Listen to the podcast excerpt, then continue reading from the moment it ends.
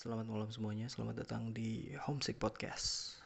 Ini gue gak bisa keras-keras Soalnya sekarang jam 3 kurang 15 Ya gue gak bisa tidur.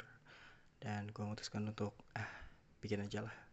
Sekalian udah lama juga gak bikin podcast Kali ini gue bakal datang dengan topik yang menurut gue Ini asik sih kalau misalnya di jadiin bahan buat podcast. Gue ceritain dulu kenapa judul podcastnya adalah ngomong itu nggak cuma doang. Ya, gue berangkat dari anak yang pendiam. Gue sebelum mengenal yang namanya public speaking itu gue anaknya lebih ke introvert kali ya nggak suka bersosialisasi nggak suka basa-basi dan sampai akhirnya pada saat SMK gue itu kebetulan memutuskan untuk mulai aja dulu nih. Mulai dulu buat um, mulai dulu buat coba deh hal yang beda gitu. Soalnya kan pas zaman SMK gue analis kimia gitu kan. Gue pengen punya satu hobi yang mungkin berbanding terbalik gitu loh 180 derajat bahkan 359 derajat gitu dengan dunia gue analis kimia kan eksak banget gitu. Kenapa gue nggak coba buat public speaking? Nah akhirnya gue belajar public speaking itu pada saat SMK kelas 1 kebetulan kebetulan pas itu gue ada lomba public speaking pas itu sama Miss Indira. Shout out sama Miss Indira. Keren sekali. Dan ya pasti karya pertama itu bakal jadi sampah. Gue ngerasa terus gue ngebayangin kayak pada saat gue pidato itu ada speech contest ya. Itu adalah speech contest pakai bahasa Inggris. Dan maybe preparationnya sekitar around about one or two weeks. Preparasinya nggak lama-lama banget gue pakai tekniknya Toastmaster. Gua itu kalau misalnya anak-anak speech pasti tahu yang namanya Toastmaster. Terus juga hari H jalan terus juga setelah gue pikir-pikir sampah banget ya. Tapi there's always a room for improvement. Pasti akan ada yang namanya ruang buat improve. Nah, berangkat dari sana, gue mulai tertarik nih sama dunia public speaking. Crowd control tuh kayak gimana, engagement tuh kayak gimana. Gue mulai tertarik sama dunia yang sosial. Udah gitu, ada suatu kesempatan pas gue kelas 2 kalau nggak salah. Kelas 2 SMK, gue kesempatan lolos audisi buat jadi MC wisuda uh, kakak kelas.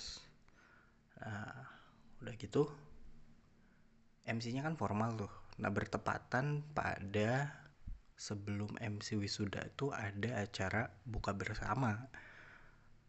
Pas itu ketua MPK-nya Majelis Permusyawaratan kelas kalau nggak salah itu Bagas teman sekelas gua.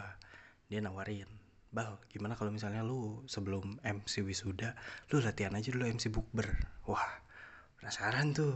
Akhirnya dicoba aja. Coba. Wah, asik juga ya. Asik juga ngobrol, asik santai gitu. Gue mikirnya asik, nggak tahu penonton ya. Mungkin ini apa sih anak baru culun aneh gitu. gak apa-apa. Seperti yang saya bilang sebelumnya, karya pertama pasti akan menjadi sampah. Ya, saya mau menganggap itu sebagai karya soalnya saya adalah PSK penjual suara komersil. Nah udah berangkat dari sana lanjut lagi ke MC Wisuda. Gue lebih suka nih sama nuansa formal karena udah terstruktur gitu dari awal sampai akhir. Kalaupun ada miss dari acaranya pasti ya nggak nggak miss-miss banget lah. Paling mungkin tamunya belum datang tamu kehormatannya belum datang harus dipindahin ke sini sambutannya saya apa dulu. Yang gitu gitulah yang nggak terlalu memakan energi. Abis itu gue dikasih kesempatan lagi nih buat ngemsi safety ridingnya Pertamina. Gue sebagai MC openernya dari Melki Bajai.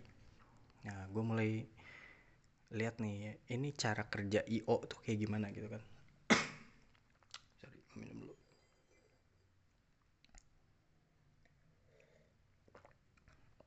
cara kerja IO kayak gimana?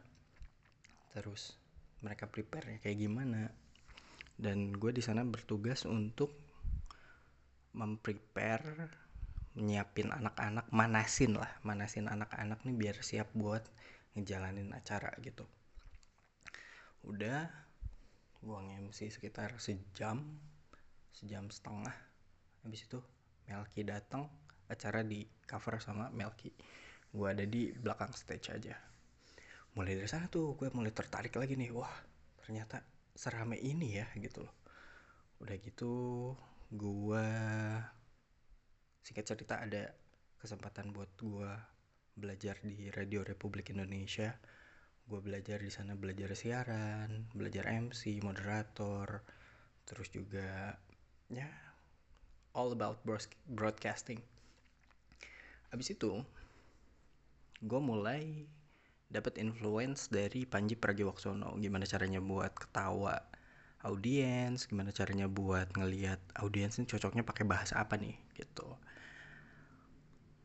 Nah akhirnya gue dapet kesempatan buat kerja di Radio Republik Indonesia sebagai penyiar. Di sana gue siaran biasanya gue siaran malam ya. Dari malam ada juga paginya.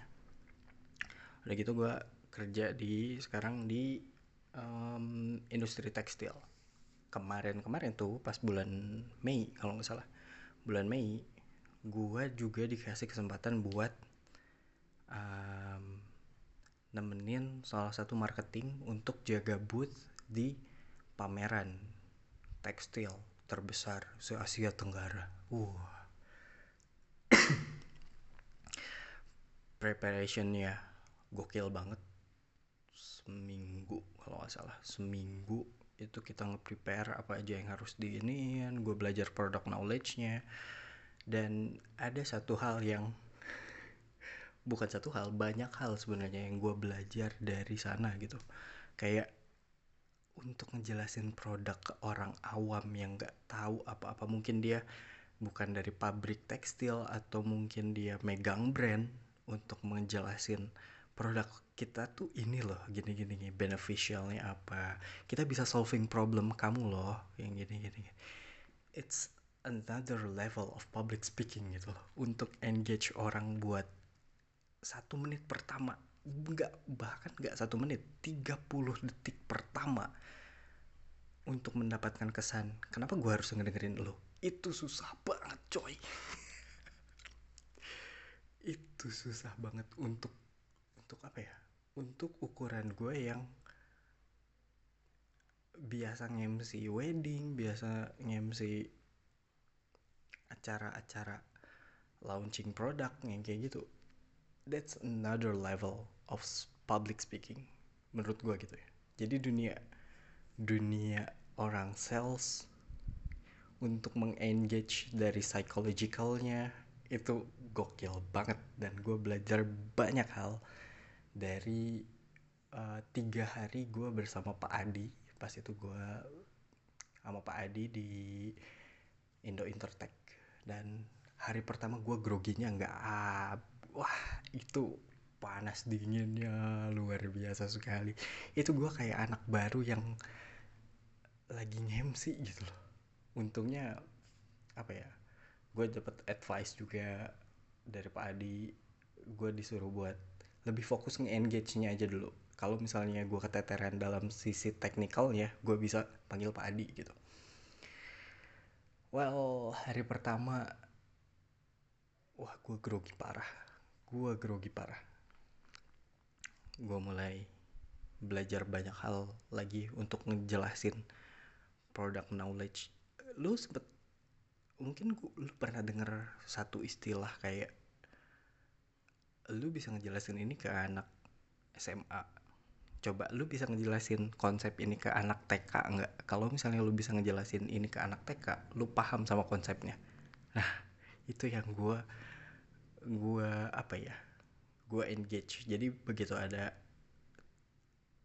calon customer datang tuh ke booth halo gitu gue sapa ramah gitu kan nanyain namanya siapa nggak nanya nggak nanya namanya siapa gitu kan. Saya kenalin dulu saya tuh Iqbal gitu loh kami dari PT ini gitu. Gue jelasinnya dari sana. Habis itu gue nanya-nanya lah ini kakaknya dari mana? gitu kan. Dia berangkat dari brand atau dari pabrik atau gimana? Dia punya masalah apa? Kita coba solve gitu loh. Oh kita ada produknya ini gitu. Yang mungkin bisa solving problems. Nah begitu udah nanya MOQ gue serahin sama Pak Adi gitu kan.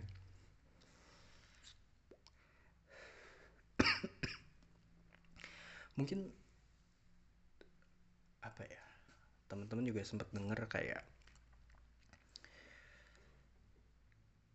um, ngomong itu nggak cuma doang mungkin nggak dari gua doang. Panji Pragiwaksono juga sempat ngejelasin kalau misalnya ngomong itu nggak cuma doang ngomong tuh bisa menggerakkan hati seseorang ngomong itu bisa membuat sakit hati seseorang ngomong itu juga bisa mendatangkan rezeki juga buat lo. Jadi menurut gue di sini adalah iya ngomong itu nggak cuma doang gitu loh. Ngomong itu bisa narik lo ke kesempatan yang mungkin lebih besar lagi. Ngomong itu mungkin bisa buka relasi bisa dapet impresi yang bagus ngomong itu mungkin bisa jadi suatu opportunity baru buat lo untuk ngelangkah ke jenjang karir yang mungkin lo belum pernah kepikiran lo bakal ke sana gara-gara ngomong. Dan ngomong itu ada seninya.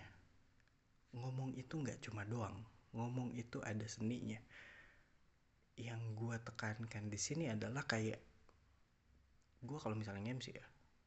Kalau misalnya gue MC satu menit pertama itu gue tanemin ke diri gue gimana caranya biar orang-orang yang di sekitar gue itu punya alasan kenapa gue harus dengerin lu bal. Gitu loh. Jadi makanya gue selalu datang dengan masalah gue selalu datang dengan storytelling how to solve your problems. Mungkin nggak semuanya dapat masalah yang sama tapi gue ngambil masalah general yang sama.